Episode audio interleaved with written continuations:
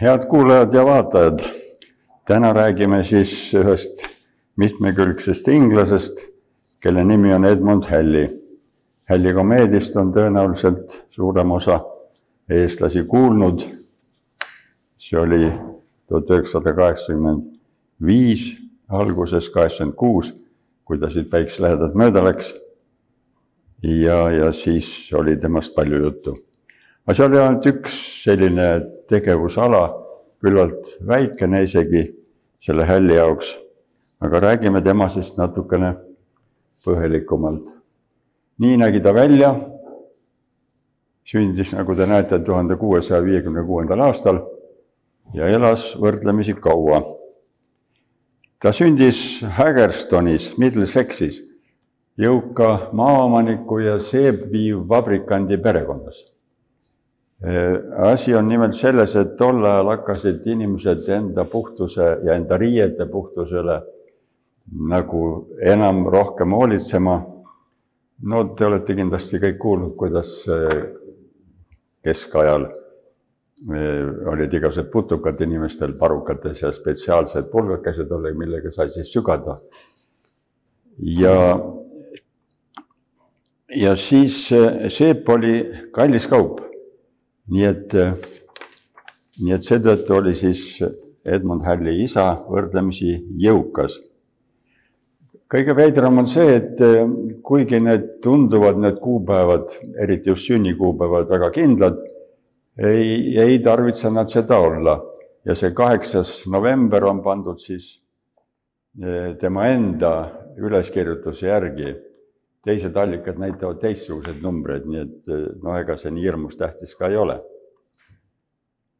kui poiss oli kümneaastane, siis põles London. see oli see suur tulekahju ja isa kaotas ka teatud osa oma varandusest, kuid mitte nii suure, mis oleks tema rikkuse kõikuma löönud. ja isa hoolitses selle eest, et poiss läheks Püha Pauluse kooli, alguses sai ta muidugi koduõpet, nagu tollal kombeks oli, jõukamatel. ja siis seal Püha Pauluse koolis näitas ta üles suurt andekust peaaegu kõikidel, kõikidel aladel.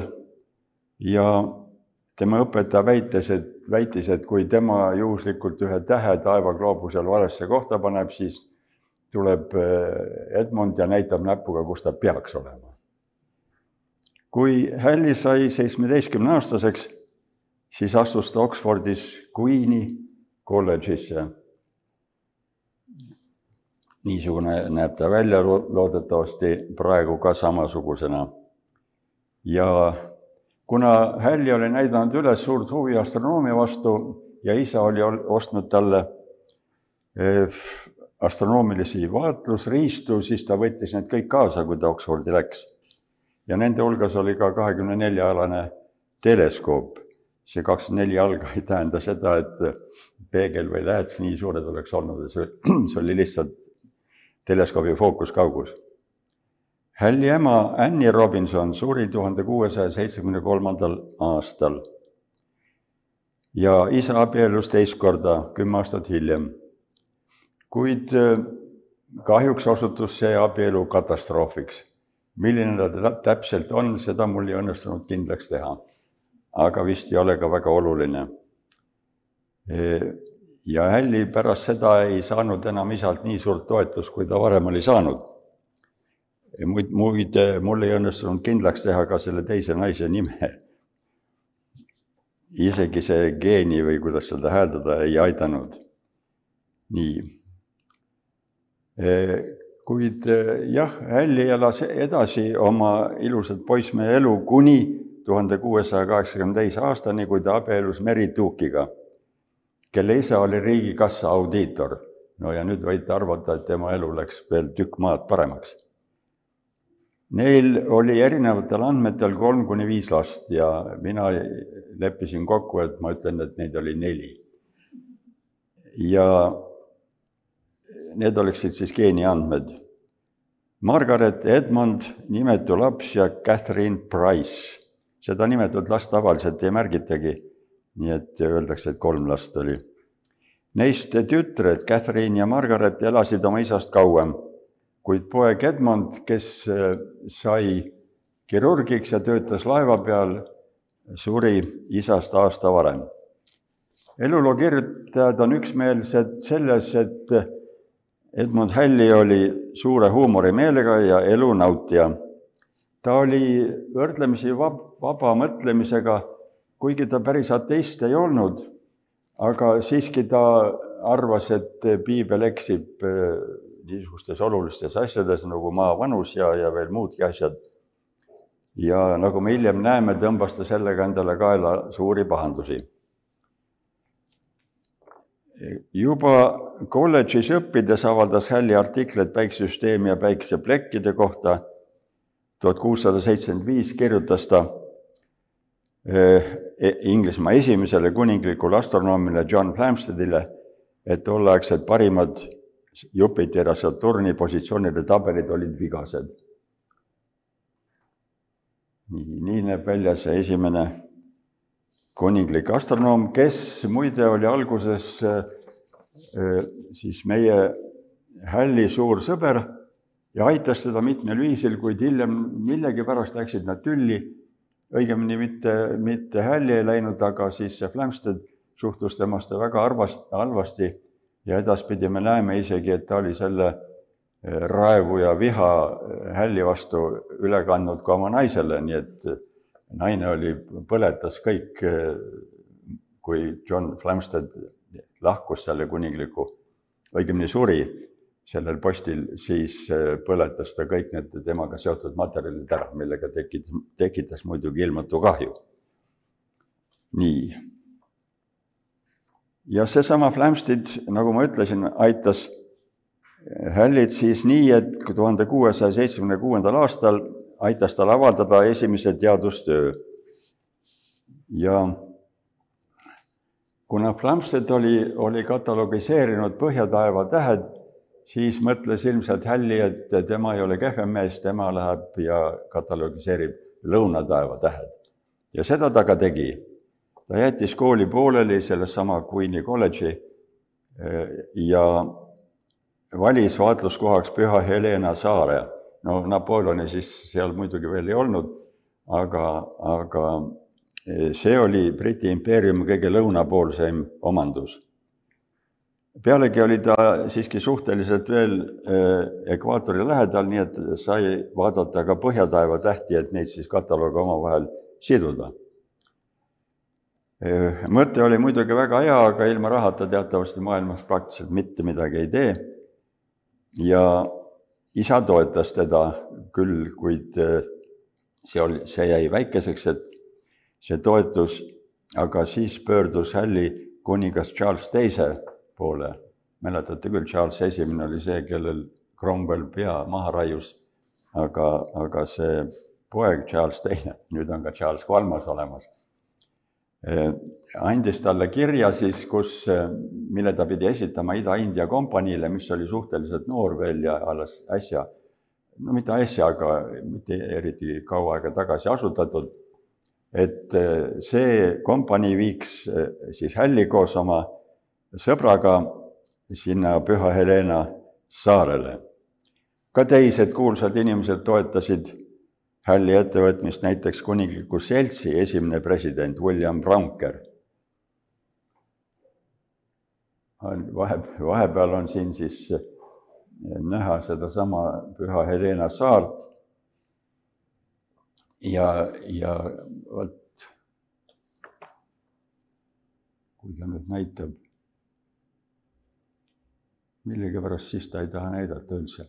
ma lähen siis siia juurde ja näitan vot siin, kus on Huts Gate, sii-, siia siis ehitas Hälli observatooriumi, noh, see oli kaunis primitiivne loomulikult, aga oma asja ajas ta ära.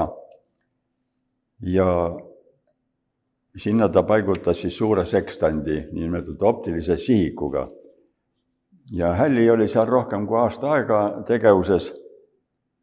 sellesse aega langes ka Merkuuri üleminek päikesekettast ja Hälli oli üks esimesi mehi, kes taipas, et selliste planeetide, sisemiste planeetide üleminekuga päikeseketast saab määrata siis Maa ja Päikese ja Maa ja selle planeedi ja planeedi ja Päikese vahelisi kaugusi võrdlemisi täpselt. seda ta ka tegi siis. ja Hälli pöördus koju tagasi tuhat kuussada seitsekümmend kaheksa maikuus ja pani selle kataloogi kokku ja eh, aga teda ootas ees selline ebameeldiv asi, et Queensi kolledž ei lubanud tal edasi õppida. lihtsalt sellepärast, et ta oli rikkunud seda kohalviibimise seadust. kõik need eh, tudengid pidid olema kõik kogu selle õppimisaja eh, seal kolledži juures igatahes. Nii et, nii et see oli, see oli paha lugu ja Hälli kaebas selle otsuse üle kuningale. tundub, et tal oli kuningaga niisugune, ma ei noh, päris emu ei saa muidugi öelda, aga aga igatahes kuningas suhtus tema, temasse erakordselt hästi. ja, ja kuningas sai kurjaks, saatis kolledžile kirja, kus nõudis, et Hälli ilma igasuguste tingimusteta taastataks õpp-, õpilasena või tudengina. ja, ja lisaks sellele nõudis veel, et, et veel parem on, kui kolledž annab Hällile tingimusteta magistrikraadi. loomulikult kolledž tegi seda. Neil midagi muud üle ei jäänud. Nii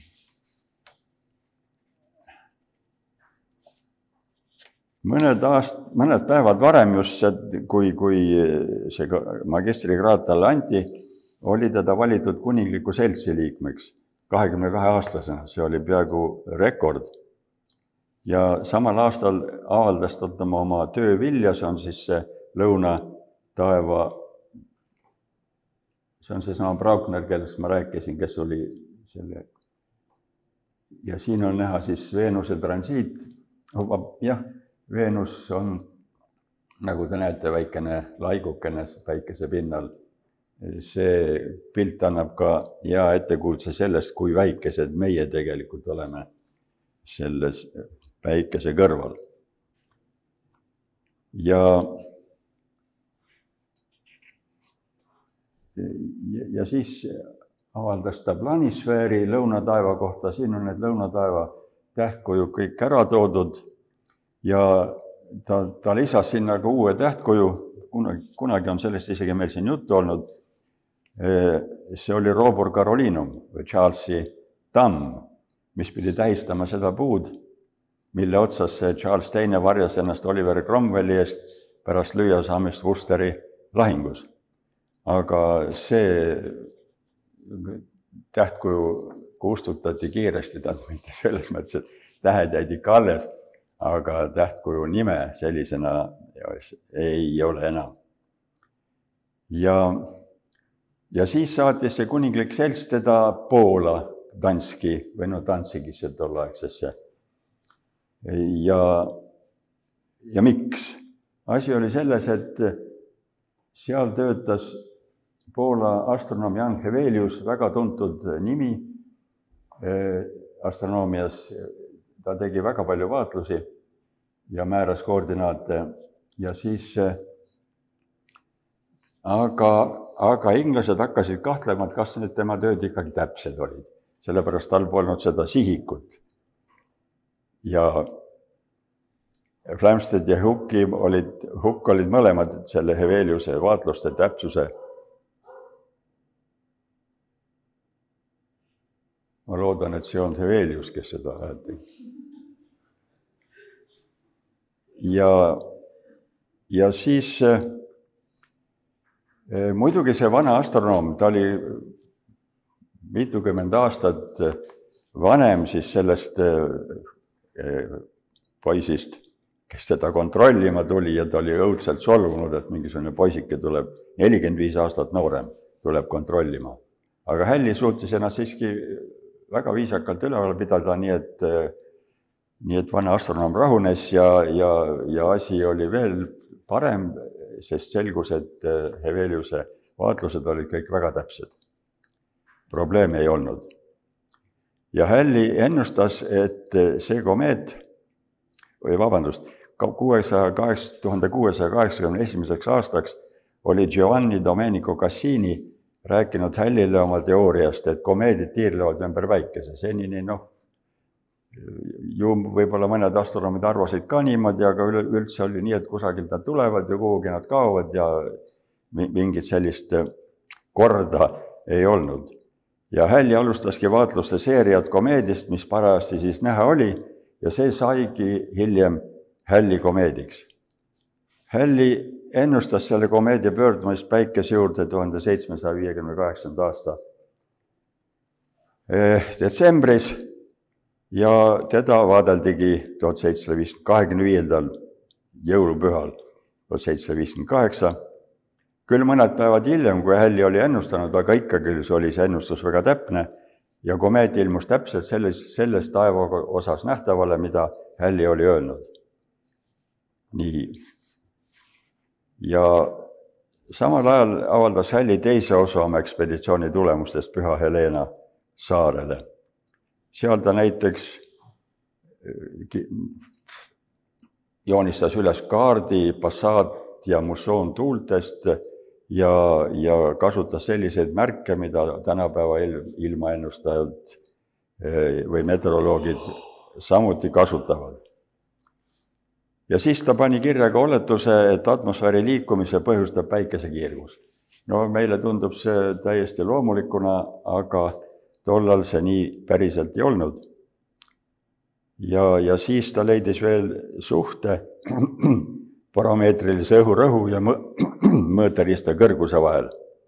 ja pealegi võiks nimetada teda teadustulemuste esimeseks visualiseerijaks, no tõsi, neid oli küll rohkem tolleks ajaks ka juba olnud.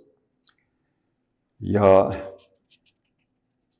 augustis tuhat kuussada kaheksakümmend neli läks Halli siis Cambridge'i, et äh, arutada seda asja koos Newtoniga, et äkki need Kepleri seaduseid saab tõestada matemaatiliselt ka. ja, ja, ja imestas hirmsasti, et Newton oli selle probleemi juba lahendanud. aga selle kogu oma töö ära kaotanud. nii et äh, Helli, Helli tahtis muidugi tema käest neid, seda tööd, kuid Newton ütles, hea küll, ma teen siis uuesti selle asja läbi. ja, ja kui Helli läks eh, pärast, mingi, mingi aja pärast uuesti Cambridge'i, siis eh, oli hakanud Newton kirjutama oma kuulsat tööd filosoofia naturalis printsiip ja matemaatika. Seda kõige tähtsamat Newtoni tööd. Ja selle kirjutamise ajal oli Hälli igati abiks eh, ja veenis kogu aeg eh, Newtonit, et ta jätkaks, Newton oli, kahtles, et kas tasub seda üldse kirjutada, pealegi oli veel Hukk, eh, kes ütles, et tema oli ikkagi esimene, kes seal need asjad kõik välja mõtles, millest Newton selles oma raamatus rääkis. ja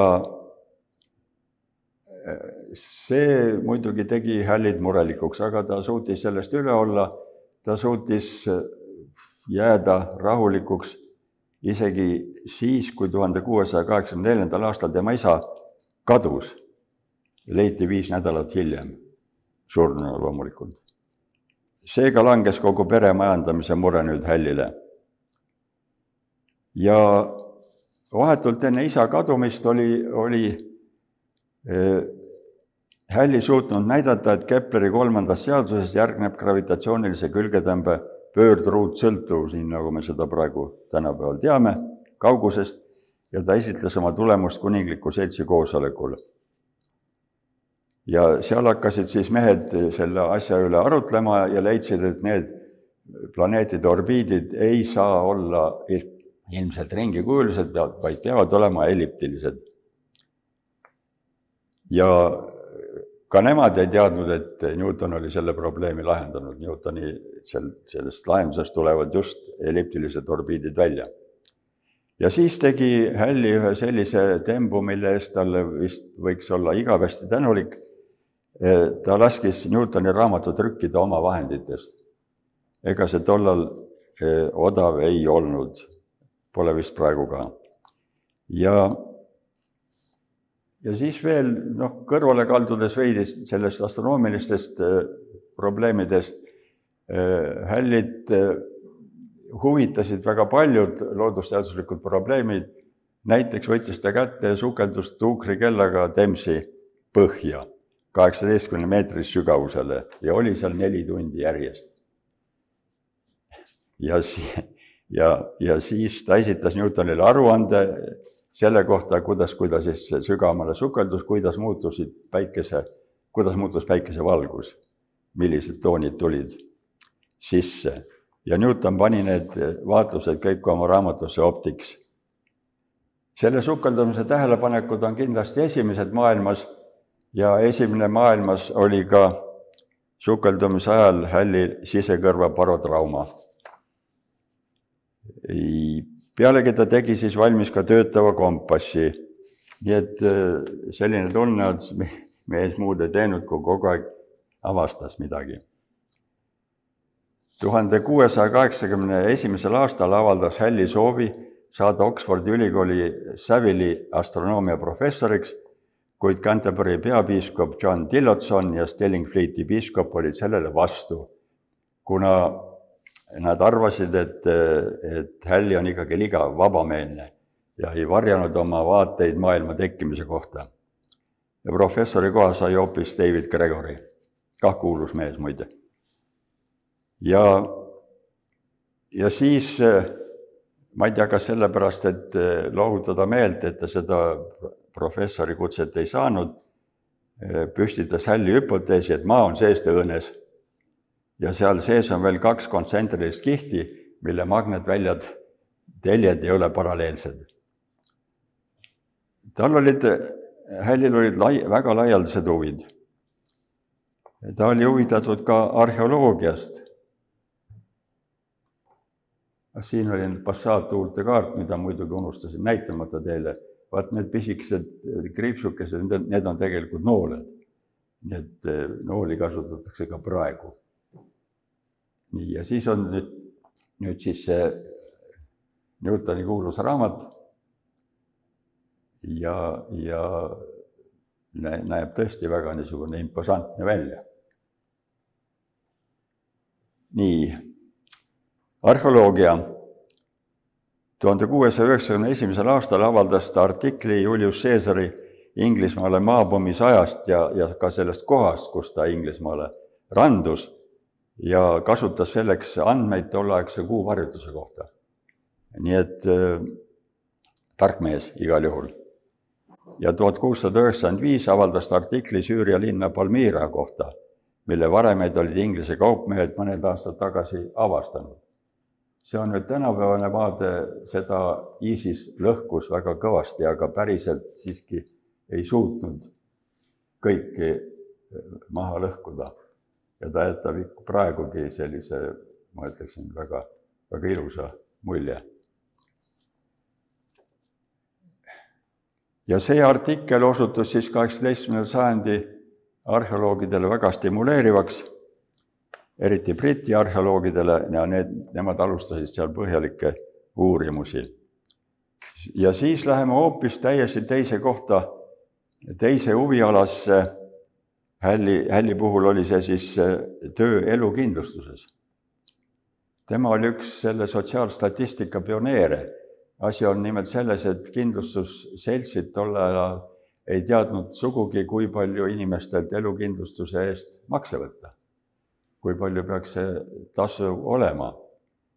aga siis äh, Hälli pani selle kindlale matemaatilisele alusele, et see makse sõltus loomulikult inimese vanusest ja ta, ja ta näitas seda, kuidas see sõltub vanusest. ja kõike seda loetakse siis olus-, oluliseks panuseks demograafiasse. ka püüdis ta siis seda ülemaailmset veeuputust, millest piibel räägib. ta püüdis seda seletada komeedia maa kokkupõrkega. aga peatselt selgus, et, et see seletus vett ei pea. kuigi veeuputus oli. ja, ja siis, siis vahetas ta jälle oma, ma mõtlen hälli, vahetas jälle oma, oma nii-öelda tegevust ja see oli siis kuningas William Kolmas tuhat kuussada üheksakümmend kuus, kes võttis Inglismaal ette uuesti münditud raha löömise, sest vana raha oli juba kulunud, hõberahad kasutati tollal. Need olid kulunud ja pealegi oli nendest tükikesi ära hammustatud seal, kui taheti midagi odavamat osta. nii nad, osa vähemalt nägid välja, kuuepennine, ilus raha, ma ütleksin täiesti. ja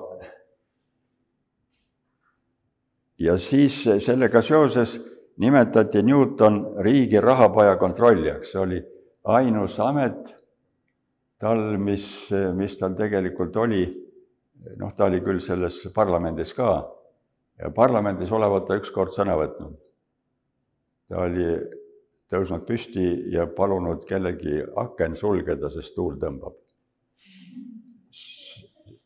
see oli kõik, rohkem ta sõna ei võtnud.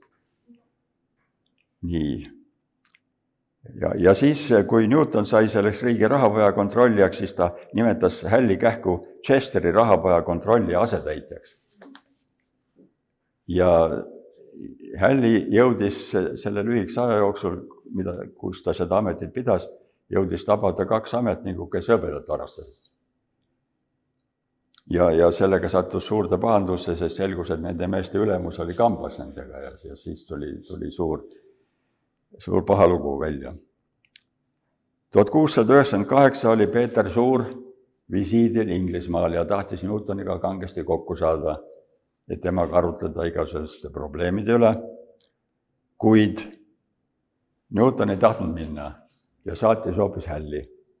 ja Hälli räägitakse, et nad olid selle Peetriga koos kõvasti pommeldanud ja üleüldse väga hästi aega veetnud ja ühel lõbusal õhtul olevat hälli sõidutanud Vene tsaari mööda Detfordi aiakärus. kui õige see on, mina ei vastuta, aga igatahes ma olen sellest lugenud. tuhande kuuesaja üheksakümne kaheksandal aastal andis kuningas William kolmas hällile käsutada kuues, kuueteistmeetrise laeva Paramuur. ja selle ülesandeks või tähendab siis hälli ülesandeks sai uurida Atlandi ookeani lõunaosas kompassi deklinatsioone.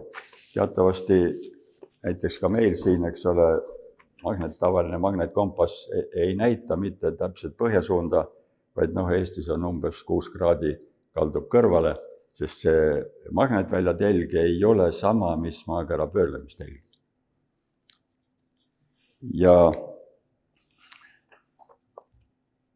see mõte oli eh, kuningal, et, et oli tarvis täpsustada Inglise kolooniate koordinaate Ameerikas ka. aga laevameeskond hakkas eh, ilmselt, eh, neile ei meeldinud, et mingisugune teadlane, tont teab, kes tuleb, mängib siin laeva kaptenit ja annab käsklused ja ja noh, otseselt üles ei tõusnud küll nüüd seal hälli vastu, kuid asi läks ikkagi nii halvaks, et Hälli otsustas tagasi pöörduda Inglismaale ja lootis, et need ülestõusnud pannakse vähemalt kinni. aga selgus, et neile tehti ainult selline pehme hoiatus, et teinekord ei maksaks niisuguseid asju teha. ja Hälli, eh, Hällit tabas tegelikult ülemuste rahulolematus väga. ja laev saadeti uuesti ülesannet täitma. seekord enam probleeme ei olnud ja see reisi tulemusena avaldas Hälli kompassi deklinatsioonide üldise kaardi. tuhat seitsesada üks saadeti see laev uuesti reisile, et uurida tõusu ja mõõna Inglise kanalis. ja siis järgmisel aastal saatis kuninganna Anni Hälli diplomaatilistele missioonidele teiste Euroopa juhtide juurde, et Hälli veenaks neid meresadamate kindlustamise koha pealt, aga samal ajal ka uuriks, millised need sadamad on, millised need kindlustused on, et mine sa tea, äkki on tarvis neile kallale minna, siis on hea, kui, kui me teame täpselt, mis seal meile varuks on. tuhat seitsesada kolm kinnitati Hälli Oxfordi ülikooli Savili geomeetria professoriks, sest õnneks olid need tema religioossed vaenlased selleks ajaks surnud. nii et vastu keegi ei olnud ja kaks aastat hiljem avaldas Hälli siis selle töö, mis tema nime on nüüd igaveseks ajalukku jätnud. nimelt ta avaldas artikli, milles kinnitas, et komeedid aastatel tuhat nelisada viiskümmend kuus, tuhat viissada kolmkümmend üks, tuhat kuussada seitse ja tuhat kuussada kaheksakümmend kaks on samad. et see on kogu aeg seesama ja tuhat seitsesada viiskümmend kaheksa tuleb see taas maa taevasse see pidi olema siis see üks ja seesama komeet, mille periood, no sõltus sellest, kui lähedalt ta Jupiterist mööda läks, kas siis seitsekümmend viis, noh, või kuni seitsekümmend seitse aastat. sellega seoses tuleb mulle meelde see, et kui ma Austraalias Nõukogude kosmosetehnika näitusel olin, siis pidin ma seal, kuna parasjagu oli hälli ka, see oli tuhat üheksasada kaheksakümmend neli, kaheksakümmend viis oli see komeetliik veel nii-öelda ja siis pidin seal seltskonnale äh, sellest komeedist äh, ühe loengu pidama ja siis juhatusega ütlesin, et see eelmine komeedi möödumine päikesest oli nii ammu, et tõenäoliselt ei ole meie hulgas mitte kedagi, kes seda mäletaks. mille peale üks papi tõusis püsti ja ütles, noormees, ärge olge nii kindel, mina nägin tuhande üheksasaja kümnendal aastal ta oli siis kas kuue või seitsmeaastane küll, aga, aga nii, et äh, tuleb ettevaatlik olla oma sõnadega. ja, ja siis äh, hakkas Hälli araabia keelt õppima, et lõpetada Edward Bernardi alustanud tööd Apolloniuse koonika tõlkimisel ja tuhat seitsesada kümme avaldas selle töö tervenisti. ta tõlkis ka veel Apolloniuse sektsiooratsioonis ja Antinoeia Serenuse traktaadid avaldas ka need tuhat seitsesada kuus, tuhat seitsesada kümme. Ja Oxfordi ülikool tunnustas Hallit sellise saavutuse eest ja andis talle tsiviilõiguse doktori teaduskraadi, see on siis, eh, mehel oli õigus panna oma nime järele LL punkt D punkt või L punkt, no ükskõik, igatahes see LL tähendas siis seda kõikide juurateaduste professorit, aga seda anti ka teistele teiste teadlaste esindajatel, see oli nagu niisugune universaalne kiitus. ja, ja Hälli tõesti selle sai. ja Hällid ei huvitanud vaid matemaatika ajalugu, vaid ta avaldas ka eh, seitse artiklit puhtas matemaatikas. Nende temaatika ulatus võrrandite lahendamisest logaritmide trigonomeetriliste funktsioonide rehkendamiseni ja ka rehkendas ta kahurikuulide lennutrajektoore ja samuti leid-, noh, määras paksude läätsede fookuskaugusi. nii et ka mõtles ta väga palju nende kujutiste üle, mida pare-, aina paremaks muutuvate teleskoopidega saadi ja üks objekt, mille üle ta mõtles, olid udukogud sest uuemad teleskoobid võimaldasid udukogusid näha juba hajusa plekina, mitte ainult mingisuguse ähmase täpina. ja Hälli tegi julge oletuse, et need on tohutu suured hajusa aine kogumid, võib-olla suuremad isegi kogu päikesesüsteem ja nende valgus pole ainult tsentraalse tähevalgus, vaid nad kiirgavad ka ise. see on tõesti praegu tõeks kuulutatud. ta uuris ka universumi suurust ja tähtede arvu selles ta jõudis järeldusele, et universumit võib äh, käsitleda kui aktuaalselt lõpmatut. mida see tähendab, mina ei tea. aga, aga nimi on väga hea. tuhat seitsesada kuusteist pani ta kirja oma varasemad mõtted Veenuse transiidi kaudu määrata Maa ja Päikese vaheline kaugus. Prantsuse astronoom Joseph Delille, kes muide suurema osa oma elust äh, töötas Venemaal võttis seda asja tõsiselt, tuli Londonisse, et seda eksperimenti Halliga arutada. ja tõepoolest, Delil suutis veenda ära kuuekümne kahe observatooriumi direktorid, kaasa arvatud sellesse kriitiliselt suhtunud Inglismaa astronoomid. ja siis selle eksperimendi tulemusena saadigi maa ja päikese vaheline kaugus miljonites kilomeetrites, nagu te näete, ega see viga nii ilmatu suur ei olegi. nii et äh, päris täpne töö. ja siis avastas ta ka tähtede oma liikumise, tähendab, tähed ei ole mitte sellised, mis seisavad äh, kindlalt ühes punktis, nende koordinaadid muutuvad ajas, nad liiguvad ise võrdlemisi suurte kiirustega teinekord. Ja, ja ta võrdles, jõudis sellele järeldusele, et täht, tähed liiguvad, vaadates siis äh, Ptolemaiose Almagesti vaatlusi võrreldes enda omadega. ja Siirius oli eriti palju liikunud peaaegu kuu diameetri pikkuse kaare, tegelikult ju üsna palju, tuhande kaheksasaja aasta jooksul küll, aga ikkagi. ja Hälli nimetati kuninglikuks astronoomiks tuhat seitsesada kakskümmend. kui ta Greenwichi läks, siis nagu ma juba ütlesin, seal vaatlusinstrumente enam ei olnud, sest äh, eelmine kuninglik astronoom oli kõik ära viinud. kuidas ta seda sai või tohtis teha, seda ma ei tea, ju need võib-olla tema omad olid. ja, ja siis äh, või õigemini niimoodi, et see eelmise kuningliku astronoomi Flamstedi abikaasa oli maruvihasena kõik need äh, vaatlusriistad maha müünud ja Hälli sai kiiresti valitsuse toetuse ja ostis uued, pani üles esimese transiitinstrumendi ja tellis suure seinakvadrandi, millega tähtede kõrgust saab mõõta. ta hakkas vaatama planeete ja kuud. ta oli siis küll juba kuuekümne nelja aastane, aga tal olid suured plaanid tulevikuks. ja, ja siis, siis oli tema selliseks oluliseks probleemiks et kuu, kui meil on kuu orbiit täpselt teada, siis on küsimus asukoha leidmisest merel eh, lahendatud. nimelt laiuskraadi sai merel määrata lihtsalt, kuid pikkuskraadi mitte. sellepärast selleks oleks olnud vaja väga hästi käivat ja täpset aega hoidvat eh, ajamõõtmise instrumenti. aga neid ei olnud. ja siis lõpuks ikkagi tegi Inglise kellasepp John Harrison sellise kella, kronomeetri nimetati. nagu te näete, oli ta tegelikult tisler, aga samuti ka kellameister. nii.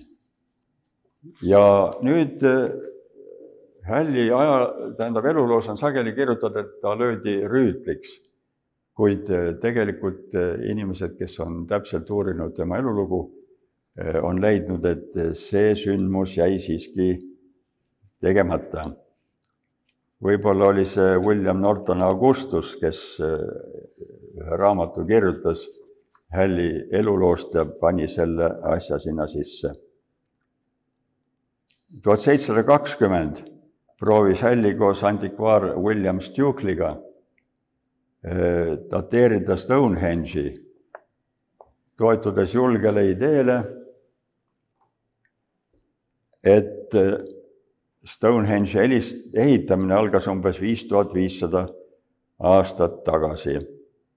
vabandust, kaks tuhat nelisada kaheksakümmend aastat tagasi, aga praegu vaieldakse ka muidugi selle aja üle, kuid enam-vähem on kokku lepitud siiski, et see on viis tuhat viissada aastat tagasi.